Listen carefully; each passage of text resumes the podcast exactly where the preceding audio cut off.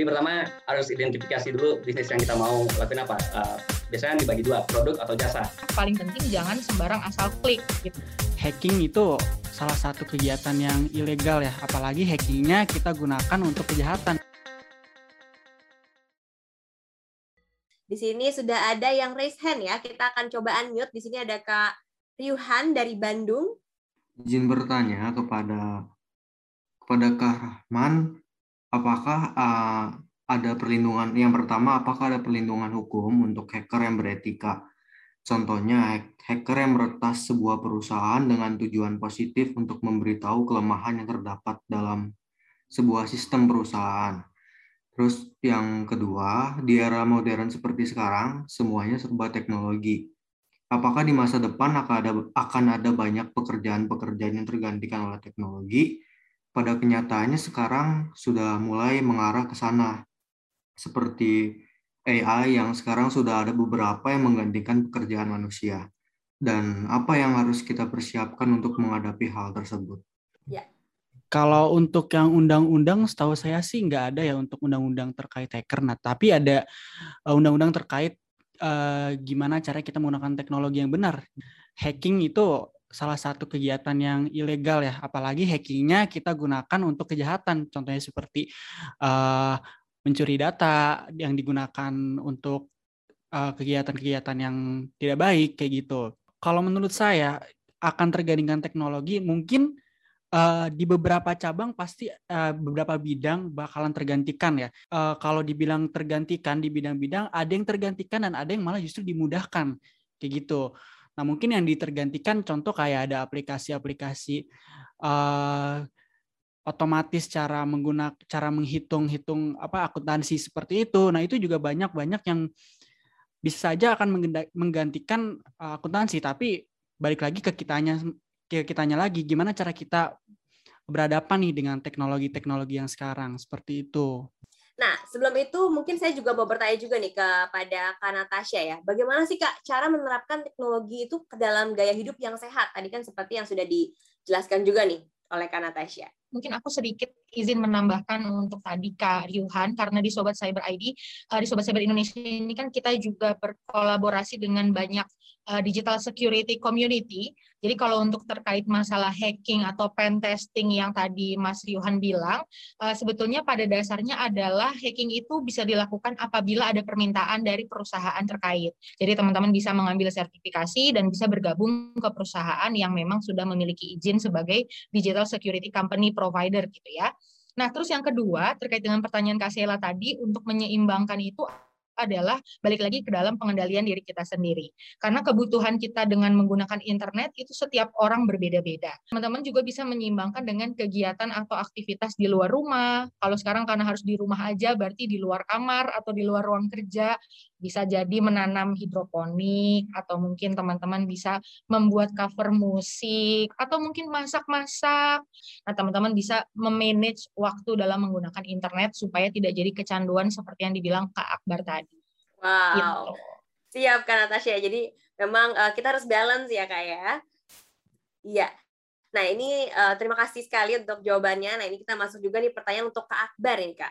Kak Akbar tadi kan mendirikan asdos.id untuk mempermudah mahasiswa yang merasa kesulitan ya dalam mengikuti mata kuliah di universitas dan juga uh, belajar melalui tutor dewasa. Lalu apa sih Kak perbedaannya yang paling signifikan dari cara pembelajaran yang diberikan oleh uh, tutor dewasa dengan tutor sesama mahasiswa?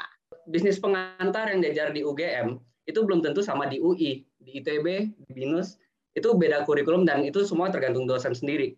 Nah, oleh karena itu banyak perusahaan kayak ruang guru pun belum berani untuk masuk market uh, pasar mahasiswa karena nggak ada satu jawaban untuk semua. Nggak bisa kita post satu video untuk uh, tutor bisnis pengantar dan itu masuk ke semua mahasiswa di Indonesia. Nah, yang paling cocok itu belajar dari senior-senior kita sendiri. Dan lewat Asdos dia akan cari tutor, itu dia bisa filter uh, siapa jadi tutornya. Dia bisa pilih tutornya itu dari UGM sendiri, yang jurusan manajemen juga, yang pernah ngambil bisnis pengantar dengan dosen ini. Jadi uh, yang diajari dengan kakak kelasnya ini sendiri akan persis sama yang diajarin di kelas gitu. Jadi uh, dan tentunya satu lagi itu lebih murah karena yang ngajarin mahasiswa. Oke, kita masuk ke pertanyaan dari Kak Giovanni, Kak. Izin bertanya kepada Kak Natasha katanya ya. Bagaimana agar kita tidak mudah terhasut dalam berita hoax? Apalagi di masa pandemi ini banyak sekali berita-berita hoax. Nah, cara pertama untuk melindungi diri dari hoax adalah dengan membaca hati-hati banget gitu. Karena sering kali hoax ini memiliki ciri-ciri yang kasat mata. Bisa kita lihat dari misalnya penggunaan judul yang kadang-kadang aneh gitu ya. Anehnya tuh misalnya uh, usia 80 tahun hanya mengkonsumsi ini terlihat seperti anak muda 22 tahun. Yang kedua, sering kali juga memiliki banyak tanda seru atau mengajak kita melakukan sesuatu. Nah, yang kedua adalah pastikan sumbernya ini valid. Nah, bagaimana cara kita melihat sumbernya valid? Kita bisa melihat dari yang pertama domain. Kalau misalnya dia adalah situs pemerintah, maka pasti domainnya .go.id. Nah, berikutnya yang ketiga adalah paling penting jangan sembarang asal klik gitu. Itu teman-teman bisa harus untuk mengkonfirmasi dan memverifikasi. Untungnya kita punya search engine seperti Google itu sudah memiliki fitur kita dapat menyaring itu, kita juga bisa upload Google Image, kita juga bisa cek apakah memang foto yang digunakan adalah foto yang sesuai atau mungkin pernah diupload oleh orang di masa lalu. Kuncinya adalah kita mau membaca, kita mau menelaah, kita mau memverifikasi dan kita mau melaporkan. Nah, yang ketiga adalah menjaga jarak. Nah, menjaga jarak ini kaitannya adalah tidak semua informasi itu untuk teman-teman. Dan tidak semua informasi itu baik adanya untuk teman-teman. Jadi kita juga sudah harus bisa tidak terlalu keingintahuan kita tuh kayak semua hal pengen kita pelajari, semua hal pengen kita tahu. Wah, itu nggak bisa juga. Oke, siap. Terima kasih, Kak Natasha. Kita masuk juga ini pertanyaan yang uh, mirip juga nih kepada Kak Ian nih. Sebagai seorang programmer, menurut Kak Ian, apakah uh, cybercrime yang paling berbahaya tuh seperti apa sih, Kak? Menurut saya ya, um, yang tadi terkait kebocoran data ya, itu kebocoran data personal. Itu kan masuk ke data-data diri kita. Contoh kayak uh, KTP, data KTP, data NIK, NIK benar Nah, itu bisa aja dipakai sama orangnya untuk daftar ke pinjaman online. Oke, siap Kak Ian, thank you. Nah, ini ada pertanyaan lagi dari Kak Rokaniah ya. Uh, izin bertanya, bagaimana kita mengimbangi hidup sosial kita terhadap perkembangan teknologi yang berkembangnya cepat banget, yang membuat kita kecanduan, ya, membuat hidup sosial kita juga jadi rendah. Dan sebenarnya kalau saya nggak apa-apa gitu, uh, candu itu soalnya relatif ya. Menurut saya uh, titik candu itu di saat kalian udah nggak nyaman ini, kayak nggak nggak bisa kalau misal udah misal membantah orang tua gitu deh, gara-gara lagi kesibukan scrolling TikTok atau uh, nonton YouTube dan misal orang tua tolong cuci piring atau apa dan uh, nanti entaran mak gitu. Nah itu itu udah candu. Di situ udah salah satu tanda-tanda untuk step back gitu. Mungkin sekarang ada tambahan juga nih dari Kak Ia atau Kak Natasha. Nah, balik lagi ke bagaimana kita yang mengenali diri kita sendiri. Mungkin kalau teman-teman kayak yang tadi Kak Akbar udah bilang, udah ngerasa sensitif nih kalau misalnya mama suruh kita kesel gitu kayak, ih nggak bisa sabar banget sih nggak lihat aku lagi main HP gitu. Nah, teman-teman bisa mulai melakukan digital uh, detoxification atau mengurangi kadar teman-teman dalam menggunakan internet. Teman-teman bisa setting timer atau teman-teman juga bisa melakukan, uh, menggunakan fitur-fitur uh, time management dalam menggunakan internet, sosial media atau HP gitu ya. Siap, Kak Natasha. Thank you buat penjelasannya. Mungkin ada, dari ada tambahan juga dari Kak Ian? Aku ngambil dari poin eh, dari banyak teman-teman aku nih, apalagi mahasiswa yang jurusan teknik informatika pasti itu candu banget depan laptop ya itu balik lagi kayak gimana cara kita ngendaliin ya terkait uh, perkembangan teknologi. Nah mungkin kita bisa ngikut-ikut organisasi itu juga salah satu cara untuk mengimbangi terhadap teknologi dan kebutuhan sosial kita. Ya, ya Terima kasih Kak Iana. Ini uh, berikut juga lanjut ke pertanyaan dari Kak Muhammad Fakih ini ya. Untuk mendefine atau membuild suatu aplikasi menjadi sangat aman. Bagaimana caranya atau suatu aplikasi itu dianggap sudah baik, keamanannya itu seperti apa nih Kak? Boleh dibantu jelaskan. Dan apabila bocor, eh, bagaimana penanganan yang baik nih sebagai pengguna platform tersebut? Nah, kalau cara saya pribadi, gimana cara uh, bikin aplikasi saya aman? Nah, itu menurut saya nggak ada aplikasi yang aman ya. Pasti dari setiap sistem ada aja celahnya. Tapi mungkin saya bisa meminimalisir. Nah, dengan cara contoh saya punya data-data sensitif, itu datanya bisa dienkripsi. Ini menyang, menyangkut lagi terkait dengan jawaban dari Kak Akbar dan Kak Ian tadi gitu ya. Dari ini pertanyaan dari Kak Hiro Chan. Jika baru mulai berbisnis digital, sebaiknya lewat platform yang mana dulu nih Kak? Apakah sosial media Instagram, WhatsApp, YouTube, atau lebih baik e-commerce dulu nih? Lalu apakah ada tips and trick untuk masing-masing platform tersebut? Jadi pertama harus identifikasi dulu bisnis yang kita mau lakuin apa. Biasanya dibagi dua, produk atau jasa. Uh, sebenarnya yang untuk platform uh, nomor satu yang dilihat itu uh, active usersnya, uh, yang paling banyak user berada dan dengan itu kita bisa lihat uh, dengan kita menggunakan platform itu kayak persentase dari itu akan lebih banyak yang notice kita. Misal kalau kita sekarang di Facebook gitu uh, masih bisa, cuman uh, untuk uh, market uh, tertentu. Nah itu juga salah satu uh, produk atau jasa yang kita sediain itu untuk market mana. Misal untuk uh, orang yang orang tua gitu lebih cocok Facebook mungkin karena orang tua lebih cenderung menggunakan Facebook banding Instagram, TikTok. Ya terima kasih Kak Akbar. Mungkin ada tambahan juga dari Kak Ian Kak. Kalau aku pribadi untuk mulainya dari mana waktu itu, uh, yang pertama siapin dulu portofolionya ya kalau untuk tipsnya. Siapin dulu portofolio, terus uh, sekarang udah banyak tuh kayak uh, website-website untuk freelance ya ada projects.co.id dan ini pun freelance-nya nggak cuma coding-coding aja ada kayak content writing ada accounting ada desain dan banyak itu. Dan itu pun bisa kita uh, coba cari-cari dulu nih yang mana nih yang sesuai kita yang sesuai passion kita tuh yang mana oke siap kak Ian nah ini menyangkut terkait dengan menjadi seorang programmer gitu ya. Mungkin di sini teman-teman yang hadir juga ingin nih menjadi programmer. Kira-kira apa aja sih Kak yang perlu dipersiapkan untuk menjadi seorang programmer? Kita bisa belajar dari dari internet pun udah bisa jadi programmer. Kita tinggal ketik di Google uh, cara membuat website. Itu pun banyak tutorial-tutorial, banyak eh, video-video uh, dari YouTube dan kalaupun uh, kita mau lebih lanjut, kita bisa ngikut ke bootcamp, bootcamp, bootcamp teknologi. Itu udah banyak banget iklan-iklan di Instagram terkait bootcamp pemrograman. Dan juga uh, kurs-kurs online. Kurs online itu juga banyak yang lagi rame ini sekarang ngasih-ngasih beasiswa terkait uh, pengembangan uh, pengembangan website, pengembangan Android itu udah lagi banyak banget teman-teman.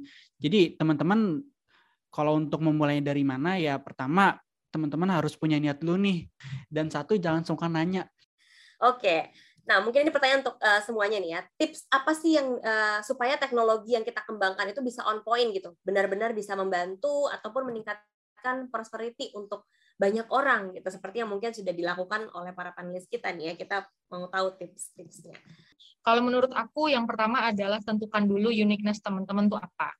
Nah, karena menjadi sedikit lebih beda itu lebih baik daripada menjadi sedikit lebih baik. Nah, yang kedua adalah konsistensi. Nah, yang kedua adalah seperti yang Mas uh, Ian Rahman bilang tadi, nggak satu dua hari loh, setahun ya ampun itu udah kayak nyicil tapi harus rajin kita lakukan setiap hari untuk menjadi hal yang melekat di badan kita gitu. Nah, yang ketiga adalah jangan pernah berhenti belajar. Jadi bagi teman-teman semua yang mau mencapai kemakmuran, kembali lagi seperti yang sudah saya sampaikan, makmur itu is not talk about money. Not only talk about money, relation itu juga, networking itu juga. Dan pada saat teman-teman bisa menyeimbangkan antara moneter dengan relasi, karena sehebat apa pun teman-teman, kalau nggak punya relasi, ya nggak ada artinya. Mungkin dari Kak Akbar juga mau menambahkan, Kak. Nah, jadi kalau udah ada ide itu, coba teman-teman ngomong ke teman, orang tua, atau siapa pun itu, untuk coba validasi ide kalian ini. Tadi juga ada yang uh, bilang kayak kalau dulu aku takut ide Asdos nih dicuri gitu kalau uh, udah ngasih tahu ke mana itu sebenarnya benar gitu. Awalnya takut tapi habis diajarin mentor-mentor startup lain itu orang nyuri ide bisa nyuri eksekusi nggak bisa. Benar. Nah ini pertanyaan selanjutnya mungkin ini menjadi pertanyaan terakhir ya yang saya pilih. Dari Kak Stefani Deborah ya. Selamat siang, saya Stefani izin bertanya untuk Kak Ian, bagaimana cara kita tahu atau cek bahwa dari bahwa data kita itu bocor di beberapa platform yang saya tahu ada di Bukalapak, Tokopedia tahun lalu, dan apabila bocor bagaimana penanganan yang baik dan kita sebagai pengguna platform tersebut? Uh, itu saya pernah ada lihat website, kalau nggak salah namanya periksadata.com ya. Di periksadata.com ini itu kita bisa tahu nih di platform mana aja yang data kita bocor. Dan apabila bocor, gimana penanganannya? Uh, kalau saya pribadi ya langsung ganti, ganti passwordnya, ganti pas kan kalau data yang bocor, misalnya terkait data akun, uh, itu ya kita ganti langsung ganti passwordnya. Nanti kan nggak bakal bisa di login nah. Oh ya dan satu lagi, saya pernah nemuin uh, di Reddit, teman-teman mungkin tahu Reddit, itu di Reddit itu dia pernah ngejual data-data KTP orang Indonesia. Nah, mungkin kita mulai sekarang itu udah harus pilih-pilih nih. Uh, kalau nge-submit data itu harus hati-hati dan harus benar-benar terpercaya. Siap. Thank you Kak Ian ya. Mungkin ada mau menambahkan juga dari Kak Akbar atau Kak Natasha? Dan itu sedihnya ya, uh, untuk sekarang nggak banyak gitu yang bisa dilakukan perusahaan kalau sudah terjadi data breach. Tapi satu lagi ya, jangan kalau bisa jangan input data-data sensitif seperti NIK kita gitu atau apa lain gitu nomor paspor atau apa di website-website yang nggak official ya nggak government atau emang perlu gitu. Ya, siap. Thank you Kak Akbar. Mungkin ada tambahan juga dari Kak Natasha, Kak? Kalau dari saya, yang pertama adalah pastikan teman-teman membaca sampai habis terms and condition dalam pemanfaatan data teman-teman. Nah, berikutnya teman-teman juga bisa cek di setiap handphone teman-teman, itu ada yang namanya permission access atau permission management. Itu teman-teman bisa melihat aplikasi apa saja yang meminta akses tersebut. Dan yang paling penting berikutnya adalah jangan sembarang share konten-konten pribadi seperti nomor, kayak gitu, atau mungkin sekarang foto selfie. Wow, terima kasih advice-nya dari Kak Natasha ya buat kita semua. Dan thank you banget ya pertanyaan tersebut sekaligus menutup panel discussion hari ini ya. Akhir kata ya, saya juga mau mengucapkan terima kasih banyak kepada para panelis yang sudah menyempatkan waktunya pada hari ini. Ada Kak Akbar, Kak Natasha, dan juga Kak Ia. Terima kasih juga kepada media partner Kren, ada seputar seminar, info webinar pendidikan dan edukasi Indo ya, dan juga sponsor kami dari Spirit Psychology Center serta Crazy Corp Indonesia yang telah mensupport acara hari ini ya. Terima kasih juga kepada Bapak Ibu, teman-teman peserta yang sudah mengikuti seminar hari ini. Mohon maaf apabila dari kami ada kesalahan kata ataupun kesalahan teknis lainnya. Berharap semoga seminar hari ini bisa bermanfaat untuk kita semua ya. Terima kasih dan sampai jumpa di seminar keren lainnya dan tentunya jangan Jangan lupa follow Instagram Keren di @kren_indonesia dan juga Facebooknya di Kren Entertainment Indonesia. Thank you, see you, stay safe, and bye-bye.